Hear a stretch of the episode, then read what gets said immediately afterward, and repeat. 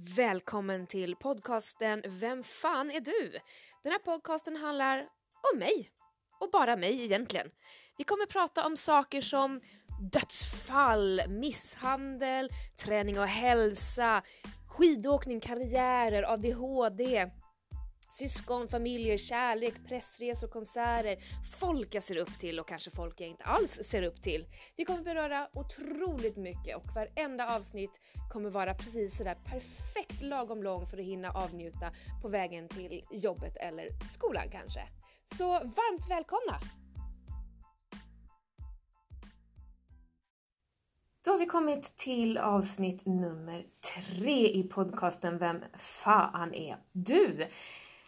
Det här avsnittet blir lite tyngre och sorgligare där vi kommer prata om död och misshandel, vilket ah, det låter inte jätteroligt. Men det här är en personlig historia som handlar om den värsta veckan i hela mitt liv. Ehm, det här var några år sedan. Eh, det var 2003, i början på 2003. Det här var någon gång i februari. Eh, jag lever tillsammans med en, en eh, man och eh, han, jag träffade honom på en arbetsplats där vi jobbade tillsammans. Jag valde att avsluta den anställningen i och med att han hade en högre position än mig och jag kände att det här inte kändes bra så att jag bytte.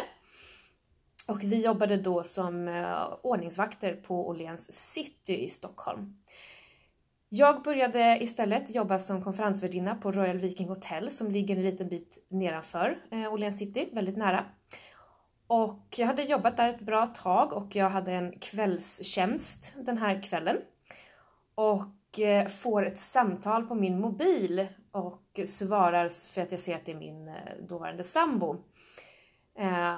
Han säger i telefonen på ett väldigt flåsigt sätt att det är någonting han har blivit knivhuggen, kan inte andas, är på väg till sjukhuset och bla bla bla.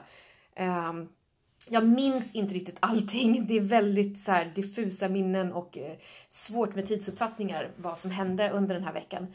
Men jag inser att det här är allvarligt. Han ska åka ambulans och han har fått en kniv någonstans.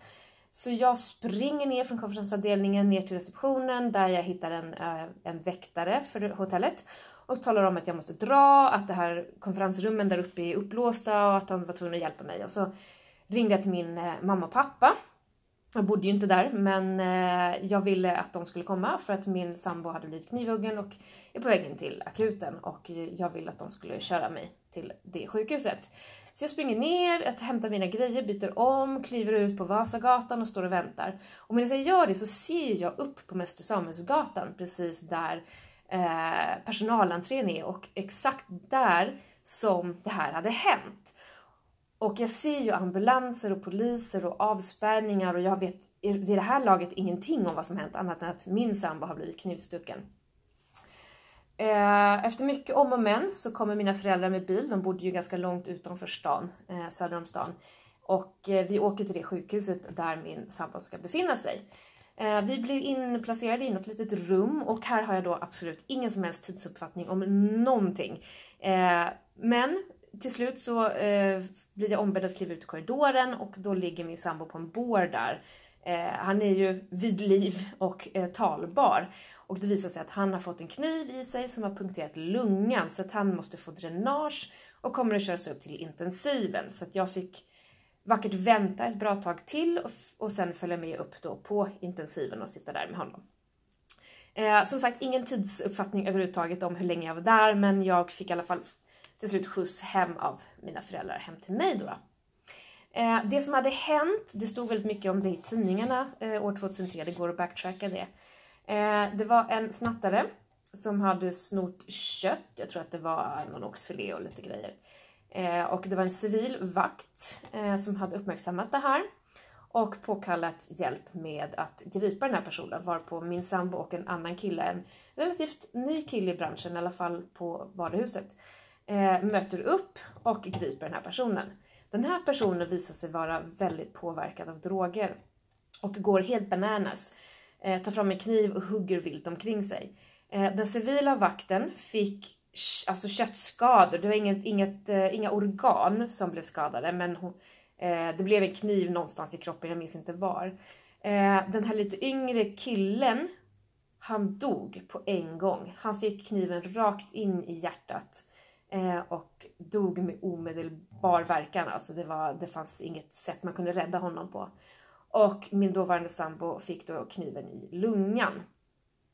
Om jag ska vara helt ärlig så minns jag inte riktigt vad som hände med den här personen, den här som de skulle gripa. Ja, jag minns faktiskt inte.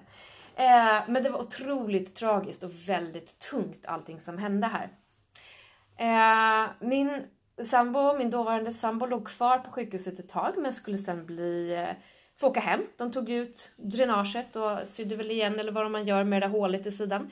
Och jag eh, körde hem honom eh, loss. Han hade lite svårt, han kunde liksom inte lägga ner i sängen så han föredrog att sitta i soffan och, och sova. För han, han, ville verkligen inte lägga sig i sängen.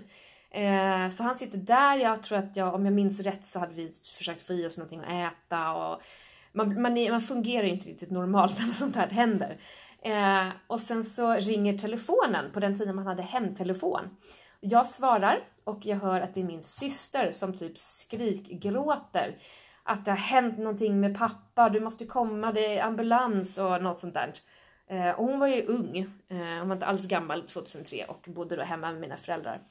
Eh, så jag får panik, jag lämnar min sambo, jag springer till bilen, det är mitt i vintern, det är snorhalt. Jag kör så fort jag bara kan hem till mina föräldrar och där ser jag att det står en ambulans och jag ser att det står lite andra bilar. Jag bara noterar att det händer väldigt mycket här. Så jag springer in, entrén är på baksidan men jag blir stoppad av min eh, mosters man som eh, tar mig i sin famn och säger att det är någonting med, med din pappa och hans hjärta. Eh, och precis bakom hans rygg så ser jag hur ambulanspersonalen bär ut eh, honom på en bår. Och där ligger han med en mask för ansiktet så jag tänker ju stilla alltså att, att det här är lugnt. Någonting har hänt men de har fixat det och nu ska jag in på sjukhus för att liksom säkerställa att allt är bra. Eh, och vi alla andra åker med i bilar till sjukhuset och får sätta oss i ett rum där på akuten.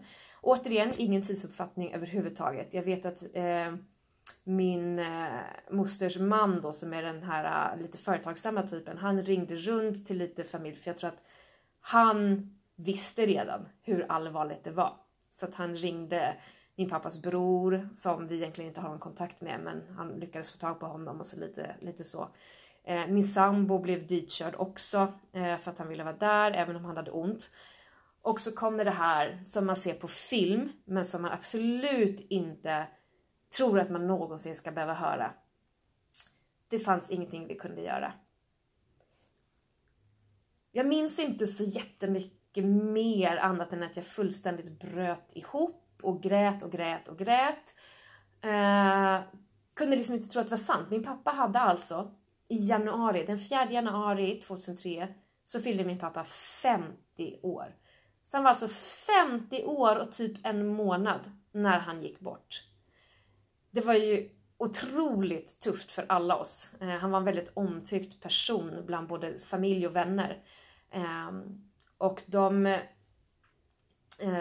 det fanns ett litet rum bredvid där man i sådana här lägen placerar en avliden med, eh, ja, med lite levande ljus och lite sådär så att man skulle få gå in och ta farväl liksom. Eh, och de flesta gjorde det men jag, jag klarade faktiskt inte av det. Eh, jag kikade in genom dörrspringan och såg honom ligga där och kände att det här, jag klarar inte det här, det går inte. Eh, så jag gjorde faktiskt aldrig det. Eh, Återigen tidsuppfattningen, jag vet inte riktigt men eh, någonstans någon gång så drog vi därifrån och vi åkte hem till då eh, mina föräldrars hus. Och jag minns att när jag kliver in i hallen så ser man in i vardagsrummet och där ser man hur soffan ligger där han låg och alla så förpackningsmaterial till grejer som ambulanspersonalen använt ligger liksom på hela golvet och sådär. Eh, vi visste ju inte riktigt vad som hade hänt egentligen men efter obduktion och annat så visade det sig att min pappa han tyckte om att leva gott liksom. Han hade fått lite gubbmage och han tyckte att det var gott med fina öl och god mat och han gick väl inte direkt på gym och hans jobb var väl inte det mest aktiva heller. Han var ingenjör ljudingenjör framför allt. Ehm, drog mycket kablar och eh, höll på att laga mikrofoner och musikstudior och så vidare. Eh, hans kropp orkade helt enkelt inte längre så att han hade tydligen någon form av så sten, om det var en njursten eller någonting som han hade. Eh, Han hade åderförkalkning eh, och det som då tog livet av honom var att hjärtat inte orkade slå längre. Eh, det var för jobbigt för hjärtat. Så det var det. Och han, han hade varit ute och gått med hunden men gick sen och la sig i soffan för att han inte mådde riktigt bra. Och sen så, så somnade han helt enkelt in. Vilket jag inbillar mig är en av de mest harmoniska sätten att, att dö på. Ehm, det var en väldigt tuff kväll och någonstans någon gång bestämmer jag mig för att faktiskt åka hem till mig och sova. Jag bara känner att jag behöver komma hem och landa någonstans i det här. Ehm, några andra släktingar stannade då kvar med mamma naturligtvis, för hon har ju också diabetes så att hon behöver ha, man behöver ha koll på henne i såna här lägen. Ehm, så jag åkte hem. Jag minns att jag tog en dusch, eh, för jag kände mig helt färdig och skulle bara krypa i säng. Eh, sambon sitt sover, eller försöker i alla fall sova i soffan medan jag kryper ner i sängen. Vi bor i en liten etta på 28 kvadrat så det är väldigt nära. Eh, jag somnar väl på en nanosekund men väcks någon gång eh, av min sambo som påtalar att det här är inte bra.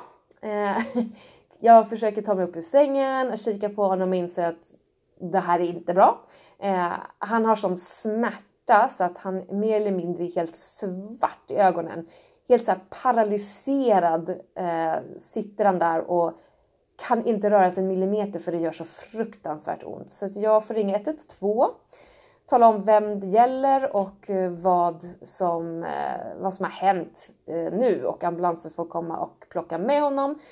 Um, så att jag åker in till en akutmottagning för tredje gången på en vecka. Där eh, personen som ja, helt enkelt blev mördad utanför Åhléns kände jag ju också. Han dog, min pappa dog och min sambo råkade illa ut. Så det var den absolut värsta veckan i hela mitt liv. Och jag tror faktiskt att jag fortfarande inte har sörjt min pappa ordentligt för att jag hann inte med det för att jag var tvungen att ta hand om min sambo eh, som ju var väldigt sjuk och liksom var tvungen att vara hemma och kunde inte riktigt röra sig och allt vad som hände där. Och jag ville så gärna ta hand om min mamma och min syster. Jag ville att, liksom att alla andra skulle ha det bra. Eh, vilket är så typiskt mig. Men så här ett gäng år senare så Alltså jag minns min pappa så himla varmt. Eh, med så mycket kärlek och jag är så jättestolt över att få vara hans dotter. Um, jag vet att jag har ärvt väldigt mycket av hans gener och hans sätt att vara på. Uh, den vänliga och den hjälpsamma och den personen som folk tyr sig till liksom. Uh, han var också väldigt noga med att uppfostra mig på, på ett sätt så att jag ska kunna klara mig själv. Så istället, eller när jag kom till honom så här, men pappa hur, hur funkar den här grejen? Hur ska jag koppla in de här högtalarna? Eh, jag läser instruktionsboken sa han.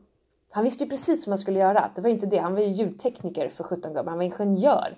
Eh, men han ville att jag skulle läsa och förstå och göra själv, vilket jag då till slut gjorde efter att jag som en tonåring då hade varit väldigt sur, smält i dörrar och sagt något otrevligt. Så gjorde jag till slut som han sa, jag läste instruktionsboken, gjorde det själv och så blev jag naturligtvis stolt över vad jag hade gjort. Eh, han visste ju det mycket väl och jag är så jävla nöjd att han var sån. För det har gjort att jag idag klarar precis allting på egen hand. Förutom de få gånger man verkligen behöver be om hjälp och då gör jag ju det naturligtvis. Men jag minns honom så otroligt mycket och begravningen var något av det mäktigaste jag varit med om. För att det kom så mycket folk och det var så mycket blommor i kyrkan. Så tänk dig längst fram där kistan står så var det sådana stora kransar runt hela kistan men sen var det också hela gången ner på båda sidor om de här sittbänkarna. Hela vägen ner i den här gången. Ehm, man förstod att han var väldigt saknad och väldigt älskad av väldigt många. Så det är jätte, jättesynd att han tyvärr inte finns med oss i livet längre. Men ehm, jag vet att han har koll på vad jag och min syster gör och har gjort och hur, hur bra vi har det. Så det här är till dig pappa. Jag älskar dig nu, jag älskar dig för alltid och kommer aldrig, aldrig att glömma dig.